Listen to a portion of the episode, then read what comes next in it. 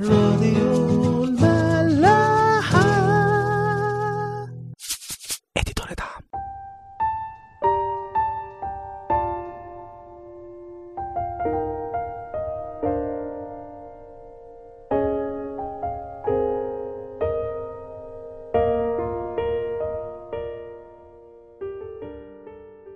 مساء الخير. أهلا بيكم في حلقة جديدة من عيش وملح. النهاردة هنكمل مع بعض المزمور اللي بدأناه الحلقة اللي فاتت هو المزمور 44 واللي مش معروف بالظبط الحقيقة مين اللي كتبه لكن هو الحقيقة المزمور كله عن لسان شعب إسرائيل وكاتب المزمور بيرثي عن حالة الشعب وخصوصا في الجزء اللي إحنا هنبتديه مع بعض النهاردة الشعب كان في حالة سيئة الأعداء دايسين عليهم بيهزموهم تعبانين متضايقين مقهورين وفي الجزء الأول من المزمور بيفكروا ربنا بقد إيه عمله. العظيم كان لأهلهم وآبائهم وهم عارفينه وسمعوا عنه وبيرجعوا المجد والفضل لربنا في كل الانتصارات وكل المجد والفخر اللي كانوا عايشين فيه. وبيقولوا له إحنا يا رب فخورين بيك والمجد هو ليك والنصرة كانت منك مش بسيفنا ولا بقوتنا. وعشان كده إحنا بنحمدك وبنشكرك. نقرأ مع بعض من أول الآية رقم تسعة بيقول ولكنك قد رفضتنا وأخجلتنا ولا تخرج مع جنودنا ترجعنا إلى الوراء عن العدو مبغضون نهبوا لأنفسهم جعلتنا كالضأن أكلا ذريتنا بين الأمم بعت شعبك بغير مال وما ربحت بثمنهم. تجعلنا عارا عند جيراننا هزءة وسخرة للذين حولنا. تجعلنا مثلا بين الشعوب لإنغاض الرأس بين الأمم.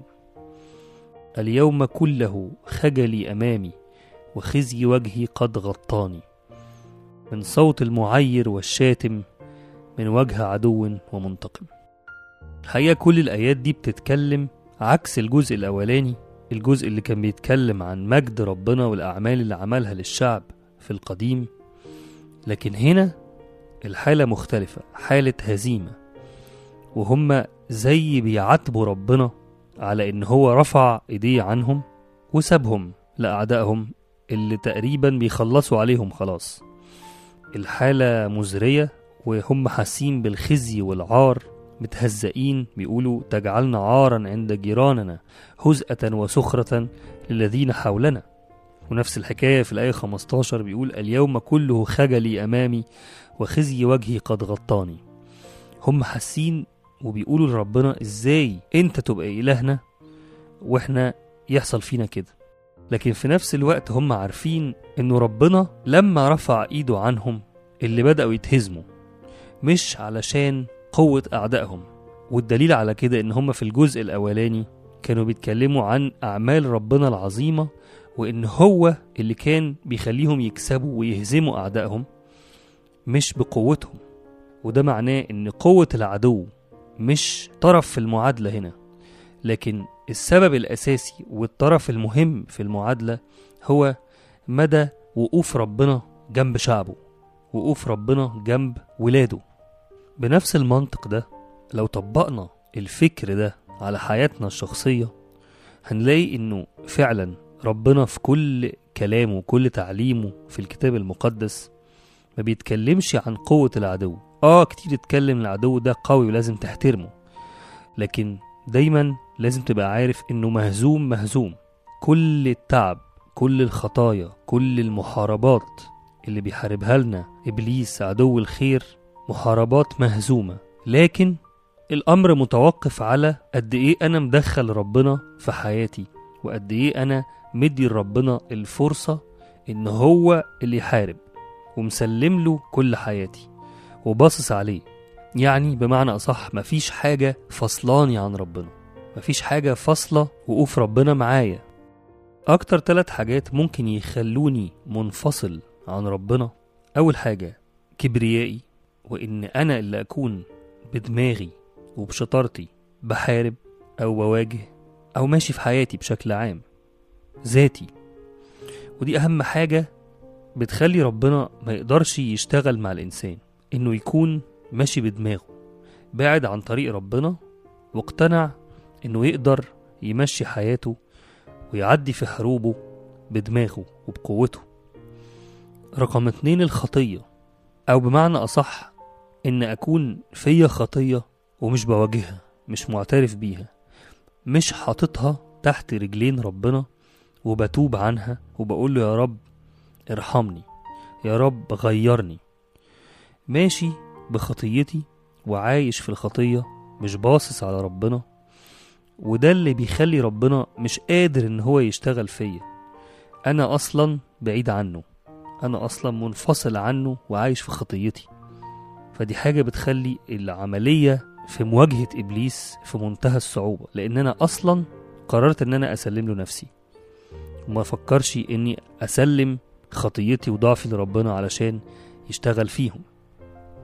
تالت حاجة ودي حاجة مهمة جدا إنه ربنا يكون بيأدبني. ودي حاجة إيجابية لخيري ولخلاصي أحيانا ربنا ممكن يرفع إيده عن موقف في حياتي أو عن وقت في حياتي لتأديبي.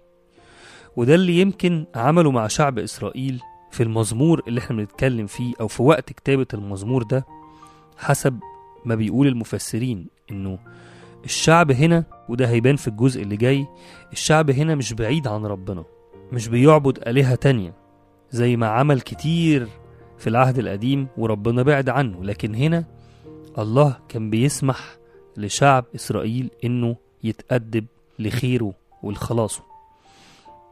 في الآية رقم 12 بيقول بعت شعبك بغير مال وما ربحت بثمنهم. الآية دي الحقيقة غريبة جدا من كاتب المزمور إنه بيقول لربنا أنت بعت شعبك لكن ما خدتش تمنه معناها إيه الآية دي؟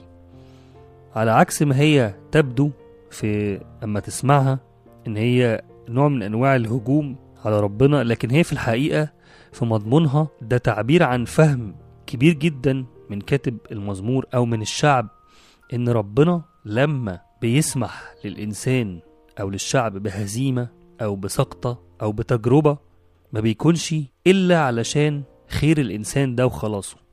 ملهاش علاقة إن الله بيكسب حاجة أو بيربح حاجة من ورا أذية الإنسان أو من ورا تعب الإنسان. أو في حالتنا هنا من ورا هزيمة الشعب من الأعداء. لكن هو بيقول إنه يا رب أنت بعتنا لكن ما قبضتش تمنا يعني سبت شعبك لكن مش لربح ليك. لكن علشان إحنا نتغير وعلشان إحنا نتأدب. وأكيد بعد الهزيمة دي هيكون في انتصار لكن انتصار بعد ما اتغيرنا وبعد ما اتقدمنا في حياتنا وعلاقتنا مع ربنا. هكمل وأقرأ معاكم الجزء الأخير من المزمور رقم 44 من أول الآية 17 لغاية آخر المزمور. بيقول هذا كله جاء علينا وما نسيناك ولا خنا في عهدك.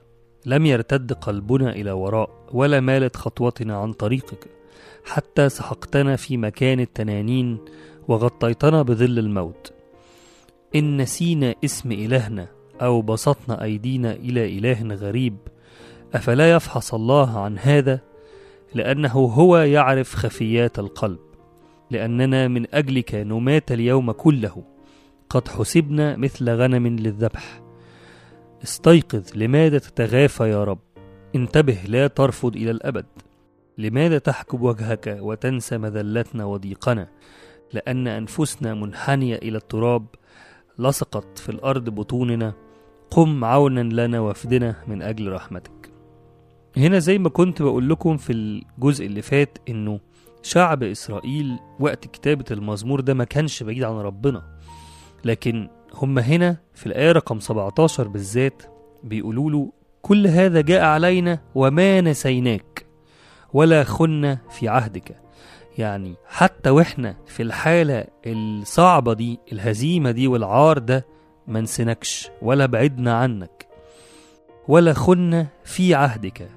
كلمة في عهدك معناها إن هو في عهد بين الله والشعب للنصرة.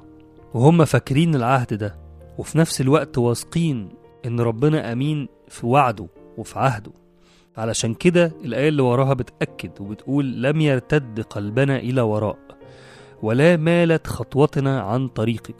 يعني حاجة فعلا مبهرة إن وقت ما الإنسان وقت ما الشعب كان مهزوم وكان متبهدل من أعدائه لكن ما بعدوش ثانية عن ربنا.